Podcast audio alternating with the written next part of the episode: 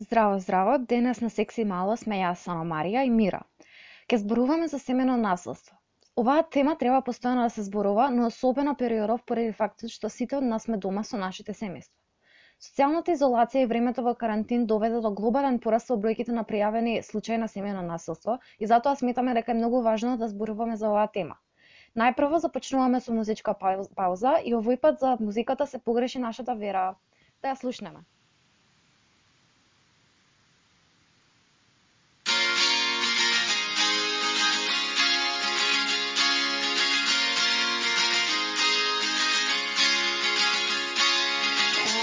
Dentist in the dark. I was scared of pretty girls and starting conversations. You know, all my friends are turning green. You're the magician's assistant in a dream.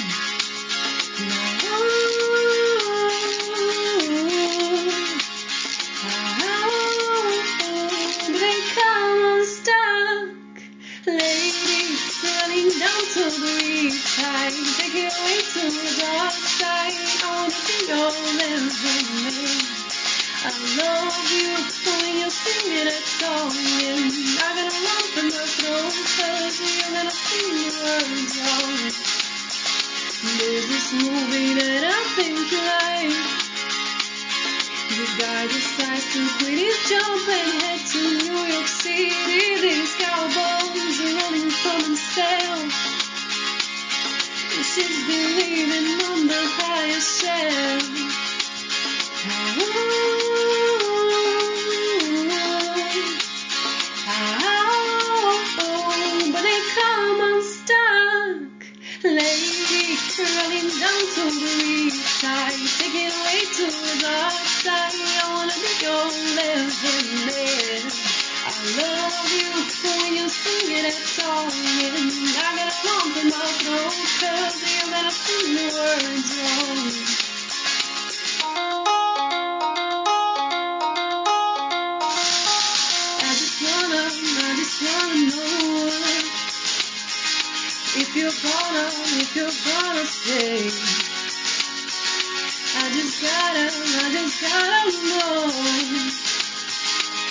can have it, I can have it any other way. I swear she's destined for the screen. Closest thing to Michelle Pfeiffer that you've ever seen, but lately trying not to dream. Time take taking off to the dark side. I wanna be all everything love you when I sing that song And I got a lump in my throat Cause you didn't sing the words wrong. Lady, running down to the east side Taking to the dark side I wanna be your living man. I love you when you sing that song And I got a lump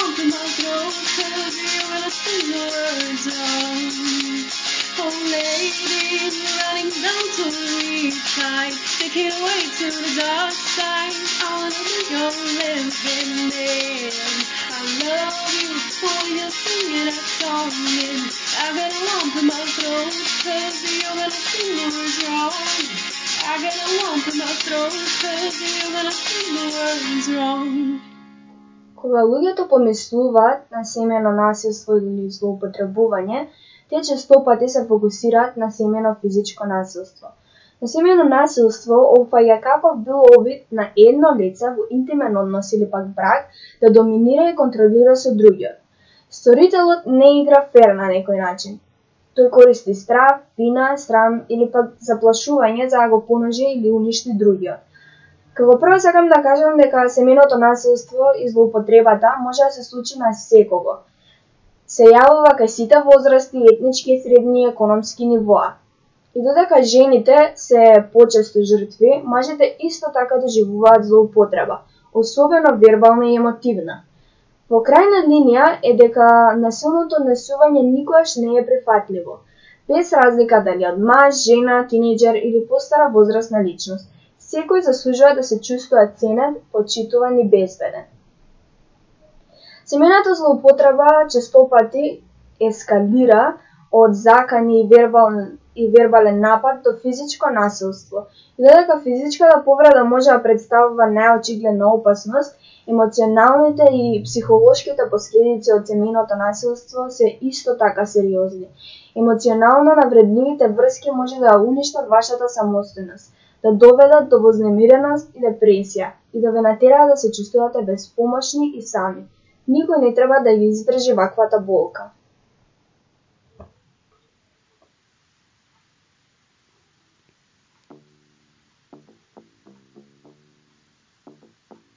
Meet you downstairs in the bar and heard You roll up sleeves and just skull t-shirt.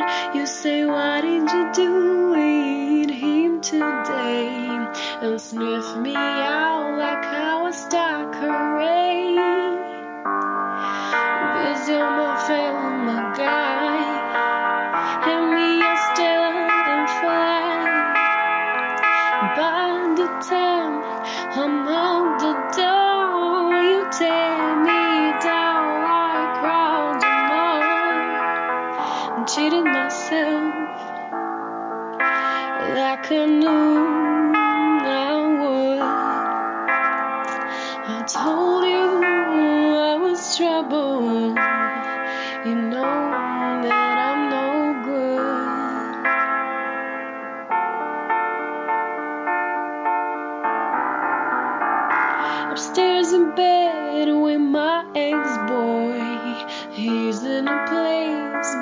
Can't get joy. I'm thinking on you in the final throes. This is where my buzzer goes. Run out to meet you, chips and paid up. You say when we married, cause you're not beat. There'll be nothing no more. I cry for you on the kitchen floor and cheated myself like I knew I would. I told you I was trouble.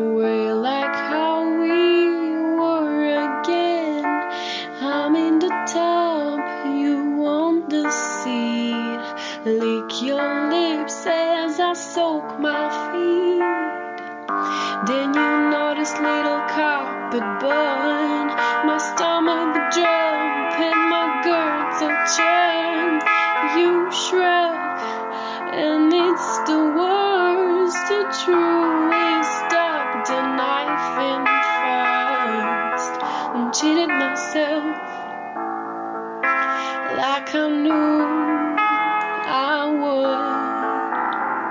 I told you I was trouble.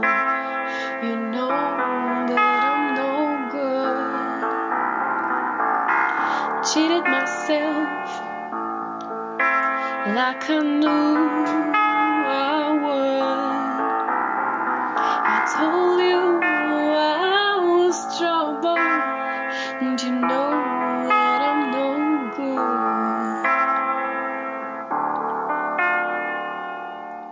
Знаците на насилство не се секогаш очигледни. Тоа е заради тоа колку што е семеното насилство физичко, толку е засновано врз контрола на личноста и незините чувства и мисли. Тоа секогаш се појавува бавно, но сигурно. Честопати се зголемува како е скратен контактот со други луѓе кога се чувствувате заробено. Без оглед на причината, за стравот нема место во здрава врска. Кои се всушност знаците на насилство? Првиот знак би било кога вашиот партнер ве малтретира или ви се заканува или ве контролира. Ова подразбира критикување или па ви кажува како да изгледате и што да носите, се заканува дека ќе повреди некој ваш близок, вика и прави да се чувствувате безвредно и мало. Друг знак на кој треба да се обрне внимание и да се препознае е контролирањето на вашите пари. Ова всушност се нарекува и економско насилство. подразбира дека вашиот партнер ве ограничува со дозволена сума пари за трошење и ви бара објаснување за секој потрошен денар, ви забранува да работите тоа што сакате, краде пари од вас или од вашите пријатели, или пак не ви дава пари за основните потреби како храна и облека. Друг знак на кој треба да се обрне внимание е кога партнерот ги прекинува вашиот контакт со вашето семејство и пријатели. Тој мора секогаш да знае со кого сте и каде ве тера да барате дозвола да излезете, ве посрамотува пред други и заради тоа избегнувате контакт со луѓе. Физичкото насилство, иако не значи дека секогаш е присутно во насилни врски, подразбира дека не ви дава да јадете, да спиете или да добивате лекарска помош, ве заклучува или ве брка од домот, или ве бутка, удира или клоца. Сексуално ве злоупотребува, односно ве принудува на секс, прави да се чувствувате како да му должите сексуални односи или пробува да ви принесе сексуално преносливи инфекции. Покрај насилството во интимните врски, многу деца се изложени на насилство во домот, кои исто така се жртви на физичко малтретирање. Децата кои се сведоци на семено насилство или се жртви на злоупотреба, самите се изложени на сериозен ризик за долгорочни физички и ментални здравствени проблеми. Децата кои се сведоци на насилството помеѓу родителите се исто така во поголем ризик да бидат насилни во нивните односи или врски. Децата во домовите каде еден родител е злоупотребуван може да се осеќаат стра може да осеќаат страф и анксиозност.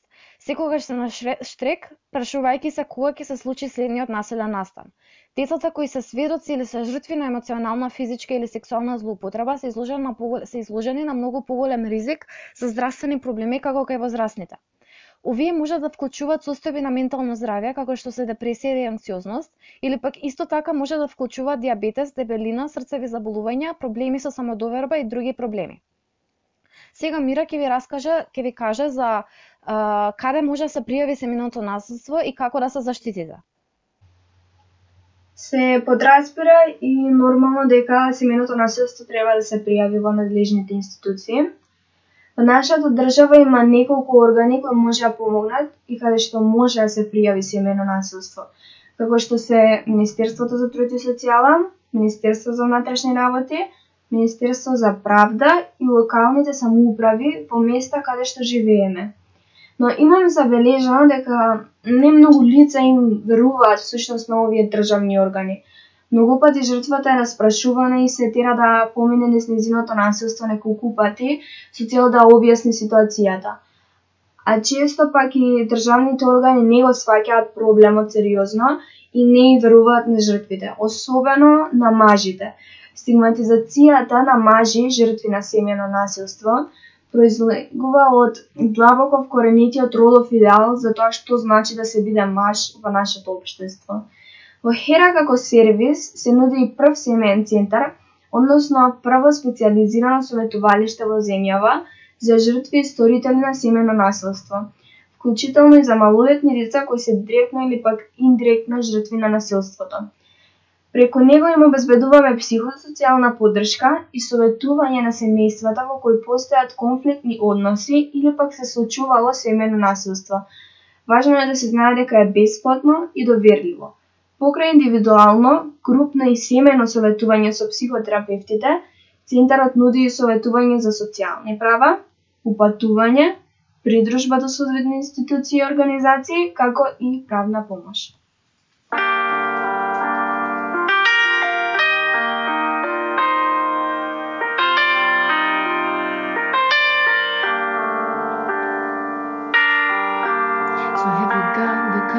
Do you ever get feel that you can't shift the type that sticks around like mm, no something in your teeth? And there's some up your sleeve.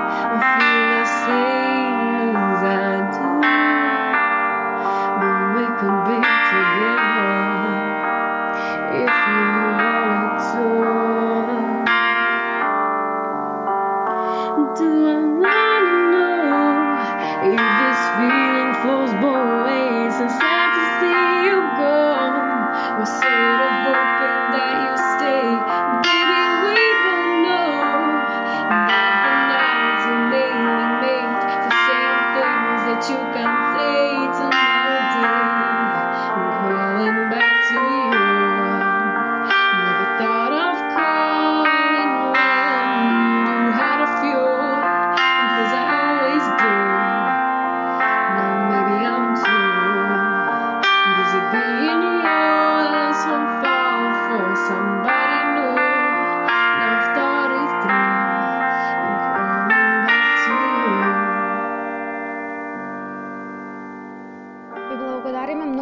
Слушавте. Се надеваме дека ви се допадна музиката и содржината на оваа емисија.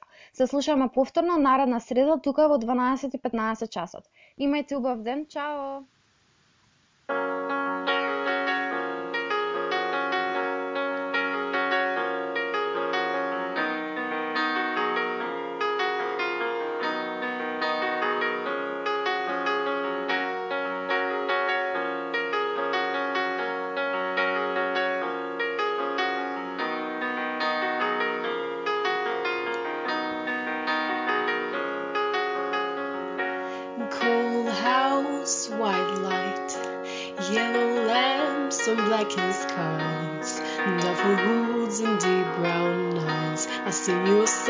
That I think you'll like, and we walk to places we always go. A million faces, I don't know. Say the words you'd always hope, set our heart on racing, even though I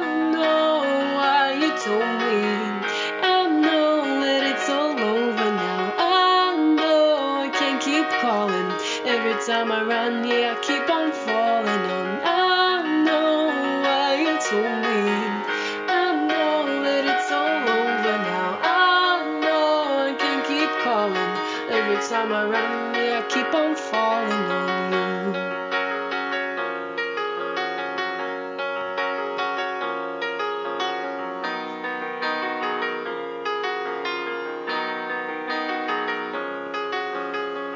on the way you stand, the way you sway, the way your hair curls in the rain, and little lines that write your face, or the winter nights you come and stay, or the way you hit me when you wanna fight, the way I yawn, the way I cry, the way our love rolls with the tides, but we know we'll make up every time. I know why you told me.